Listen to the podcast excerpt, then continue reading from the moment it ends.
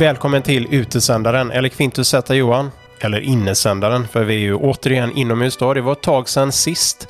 Det var väl innan, ja det var väl förra året då, i jul, som eh, sista avsnittet kom. Och eh, det har hänt lite mycket däremellan. Eh, sjukdomar och vabb och eh, faktiskt alldeles nyligen så har jag haft covid enligt det här snabbtestet. Så det var ju en sån där lagom, eh, lagom trevlig erfarenhet, men då kanske man har gått igenom det det här året då, tänker jag.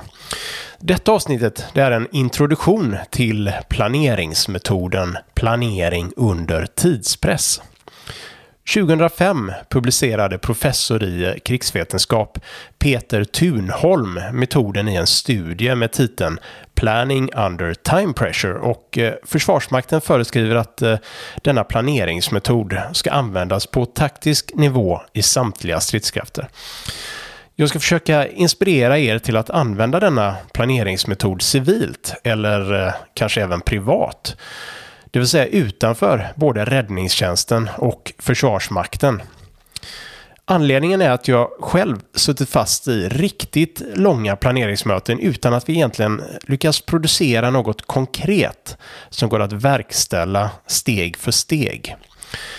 Syftet med eh, planering under tidspress är att producera en konkret genomförbar plan på kort tid när jag haft möjlighet att eh, tillämpa denna metod har den underlättat när två eller fler personer ska jobba tillsammans med samma uppgift.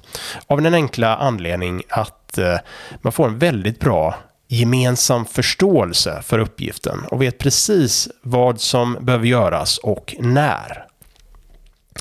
PUT, eller planering under tidspress, är en vidareutveckling av RPM, Recognitional Planning Model, utvecklad av Gary Klein och John Schmidt från 1999. RPM är i sin tur ett resultat av Klein och Schmidts forskning runt naturligt beslutsfattande som resulterade i RPD-modellen, Recognition Primed Decision Model, RPD. Gary Klein har illustrerat RPD på följande sätt enligt min tolkning. Inledningsvis ställs vi inför en situation. Ingångsvärden som uppstår till följd av vår tolkning av situationen ger oss tecken vi känner igen, det vill säga kännetecken, från tidigare erfarenhet av liknande situationer eller från tidigare övning. Har vi stor erfarenhet av liknande situationer med tillhörande agerande, bemötande eller lösning så kopplar vi enkelt ihop kännetecknen med ett mönster. Detta mönster resulterar i ett handlingsmanus, kanske man kan kalla det då. En stegvis anvisning om hur situationen ska påverkas i den riktning vi önskar. Dessa handlingssteg prövar vi eh, snabbt genom att gå igenom stegen i huvudet med hjälp av mental simulering. Om simuleringen bedöms påverka situationen i en fördelaktig riktning, då nöjer vi oss med detta enda alternativ som genomförande idé och verkställer. Vi exekverar stegen i handlingsmanuset samtidigt som vi analyserar situationen allt eftersom. Modellen börjar om från början. Vi känner även igen detta kretslopp i John Boyds ODA-loop, Observe, Orient, Decide, Act. Det kanske låter som att detta är en lång process, men vi pratar alltså om tider ner på sekunder eller till och med ännu kortare för den här typen av naturligt beslutsfattande, beroende på situationen förstås. Enligt RPD-modellen så skapar vi inte fler än en handlingsplan eller så kallad genomförandeidé. Vi jämför aldrig två eller fler planer mot varandra för att bedöma vilken av dem bäst påverkar situationen. Vi nöjer oss med endast en och anpassar den allt eftersom situationen kräver det. I princip kan man säga att vi fattar inga beslut. Vi bedömer huruvida en genomförandeidé är rimlig eller ej och försöker genomföra densamma. Om man har dålig erfarenhet av situationen man ställs inför, då kopplar man inte kännetecknen med ett känt mönster och tvingas därmed improvisera i högre grad. Vi skapar fortfarande ett eh, handlingsmanus och simulerar händelseförloppet. När vi bedömer att handlingsstegen i manuset troligen kommer att lyckas för att påverka situationen så nöjer vi oss och verkställer planen. Utvärdering av situationen sker löpande och handlingsmanuset uppdateras allt eftersom, precis som för den erfarne. Det är högst troligt att det blir mer trial and error för den oerfarne än för den erfarne, men det är alltså något man förväntar sig. Så här beskriver Gary Klein Recognition Primed Decision Model i eh, originalet på engelska. Situation generates cues that let you recognize patterns that activate action scripts which you assess by mental simulation using your mental models to affect the situation. Och sedan går modellen om från början där. På svenska blir detta ungefär en situation genererar kännetecken som låter dig känna igen mönster som aktiverar handlingssteg som du utvärderar genom mental simulering med hjälp av mental representation för att aktivt påverka situationen och eh, ja, repetera. Recognitional Planning Model och planering under tidspress tar tillvara detta naturliga beslutsfattande och erbjuder RPD-modellen som planeringsmetod. Ni kanske undrar varför jag har en preussisk flagga på mig. Vad har Preussen med planering under tidspress att göra? Frågas kom. Ja, nu ser ju inte ni det på, om ni lyssnar på den här på Quintus Z Johan, men jag har alltså en preussisk flagga som en patch på vänster arm. Och eh, Frågan är snarare då hur skalar man upp den enskilde personens mentala simulering för att omfatta en hel grupp? Hur genomför man simulering av en genomförande idé i en gemenskap? Jo, preussaren Johan Christian Ludwig Hellwig uppfann den tidigaste varianten av Das Kriegsspiel, det vill säga krigsspelet, omkring år 1780. Detta spel var mer som schack. Man eh, flyttade pjäser över ett bräde indelat i fyrkanter. Men preussarna var alltså först med att använda detta för eh, simulering av en genomförande idé i grupp. År 1812 presenterade George Leopold von Reiswitz en eh, vidareutveckling av krigsspelet för kungen som började använda det mer privat. Det var inte förrän 1824 när hans son George Heinrich Rudolf Johan von Reiswitz, kärt barn och många namn tydligen, de presenterade en ytterligare vidareutveckling av spelet för den preussiska generalstaben som spelet började användas av alla regementen i krigsmakten. Jag anser att en av de viktigaste aspekterna i all planering är simuleringen av genomförandeidén. Det vill säga att eh, spela sig igenom handlingsmanuset steg för steg, lite som att repetera på ett tal eller presentation. Jag anser inte att eh, själva planen i sig är viktig. Eller som fältmarskalk, den eh, femstjärniga generalen Dwight D. Eisenhower har sagt. Planer är värdelösa, men planering är allt. Det betyder dock inte att man ska sitta och planera i all oändlighet utan snarare att man ska inse att ingen plan kommer någonsin bli perfekt. Som generalfältmarskalk Helmut Graf von Moltke sa, ingen plan överlever första kontakten med fiendens huvudstyrka. Då är det av värde att alla är förtrogna med målbilden och har en idé om hur den kan nås. Kan man nå målbilden på ett annat, mer fördelaktigt sätt än planen föreskriver när man står mitt i smeten, då ska man gripa den möjligheten. En plan ska vara ett stöd att eh, verka effektivt i grupp, inte ett ok, annars ska handlingsfrihet råda. Recognitional Planning Model och Tunholms Thunholms planering under tidspress ger oss något som jag anser vi ofta missar när vi genomför planering, både inom arbetslivet och eh, privat. Och det är att skriva ett handlingsmanus, en så kallad genomförande idé. Och eh, spela eller simulera sig igenom den med de gruppmedlemmar man ämnar samarbeta med. Detta är det som preussarna sökte uppnå med krigsspelet. Gemensam förståelse för uppgiften i alla steg. Om något av stegen är olämplig eller inte går att genomföra i den verkliga situationen, då finns utrymme till handlingsfrihet i just det steget. Chansen är fortfarande goda att andra delar av planen går att genomföra som tänkt istället för att helt och hållet improvisera sitt agerande. Detta reducerar egna friktioner och minskar risken att misslyckas nå målbilden. RPM och eh, POT, planering under tidspress, syftar till att skapa endast en genomförande idé. Endast ett handlingsmanus, inte två eller fler att jämföra mellan. Preussen hade samma princip. När en genomförande idé klarade sig genom krigsspelet, då blev det planen i fråga att verkställa.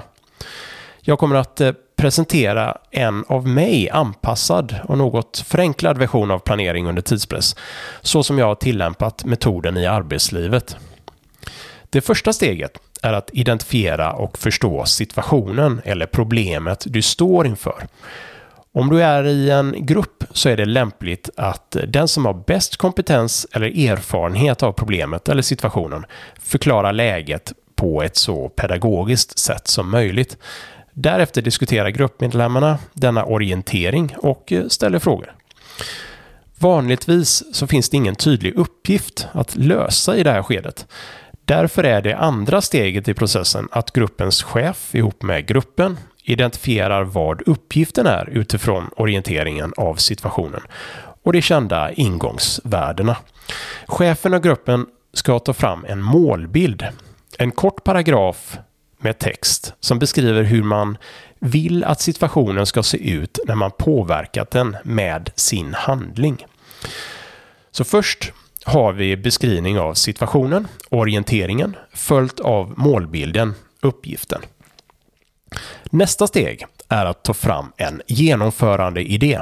Det som kallas för Course of Action, COA, Course of Action, i den engelska förlagan Recognitional Planning Model. Genomförandeidén bör vara skriven som en berättelse, inte en punktlista, och vara indelad i olika skeden. De vanligaste skedena är att börja med ordet inledningsvis, varpå det initiala skedet beskrivs i berättelsen, följt av därefter, vad vi gör när vi är mitt i smeten så att säga. Till sist kommer finalen, ordet slutligen. Vad vi gör för att eh, knyta ihop säcken och exempelvis ta oss ifrån insatsområdet eller vad det nu är.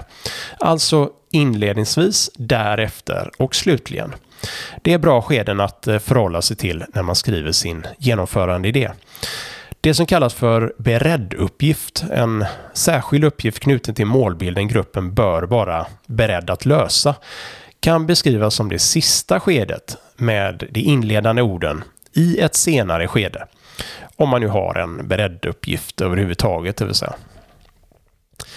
Precis som allt berättarskap så är det bra att eh, börja med ett kort utkast med så få detaljer som möjligt. Huvudpoängen med genomförandeidén är att få ihop en plan som går att dra igenom en simulering. Det är inte att fylla den med så många detaljer som möjligt. När den mest erfarna i gruppen känner sig nöjd med utkastet till berättelsen, då kan man påbörja en simulering samtidigt som gruppmedlemmarna för anteckningar av exempelvis detaljer som ännu saknas i planen. Troligen kommer ni inte dra fram Reiswitz krigsspel från 1824 och eh, spela er igenom genomförandeidén. Utan spelet sker vanligtvis som en stegvis diskussion där minst en i gruppen är djävulens advokat eller spelledare om ni är mer förtrogna med gamla hedliga rollspel. Denna spelledare, eller domare som preussarna då kallar det i sitt krigsspel, kritiserar berättelsen i syfte att eh, belysa problem. Regeln bör vara att eh, denna person har fullständigt mandat att vara riktigt jobbig. Det är meningen att eh, personen flitigt ska kritisera planen. Om utkastet till genomförandeidén inte klarar sig genom simuleringen, då får gruppen eller den mest erfarna medlemmen gå tillbaka och hitta på en ny eller förbättrad genomförandeidé. Men om gruppen anser att utkastet till genomförandeidén är fullt genomförbar, då kan man fylla på berättelsen med detaljer i respektive skede. När detta är gjort kan man med fördel köra den igenom krigsspelet ytterligare en gång. Om inte annat för att övning ger färdighet när planen ska verkställas och eh, den gemensamma förståelsen för hur gruppen ska lösa uppgiften stärks. Nu har gruppen en beskrivning av situationen, en målbild och en genomförandeidé. Målbild och genomförandeidé kallas beslut i stort eller Commanders Intent enligt Five Paragraph Order och amerikansk Mission Command. Du har nu punkt 1, 2 och 3 i en så kallad fempunktsorder. Situationsbeskrivningen förs in under punkt 1, orientering. Målbild förs in under punkt 2, uppgift och eh, genomförandeidén förs in under punkt 3, genomförande. Om uppgiften kräver transport, samlingsplatser eller liknande förs detta in under punkt 4, logistik. Hur ni eh, kommunicerar eller ska kommunicera, leda operationen, vem som är chef, var chefen sitter och så vidare förs in under punkt 5, ledning.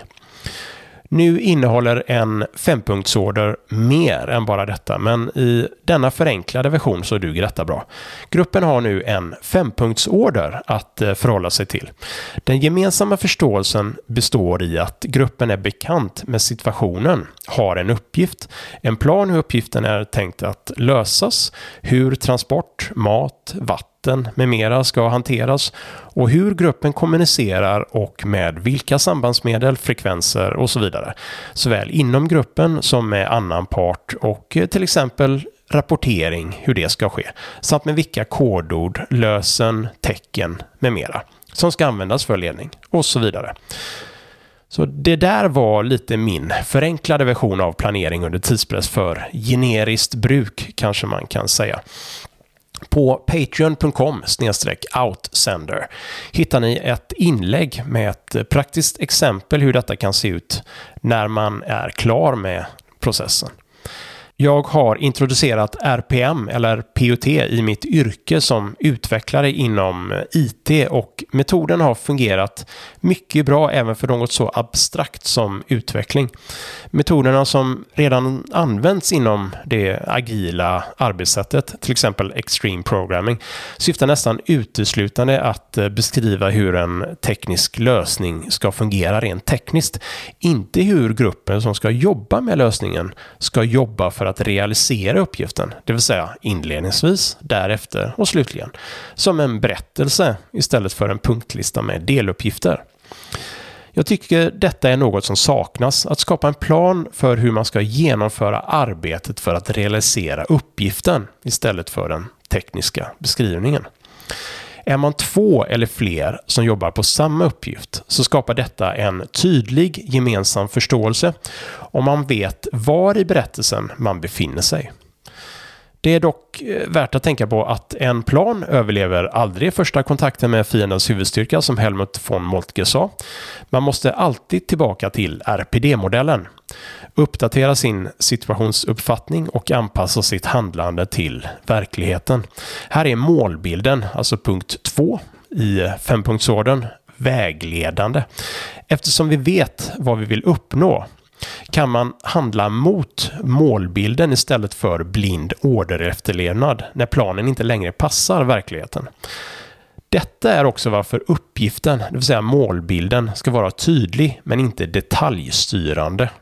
Tack för att ni har tittat på detta avsnittet av Utesändaren eller lyssnat på detta avsnittet av Quintus Z Johan.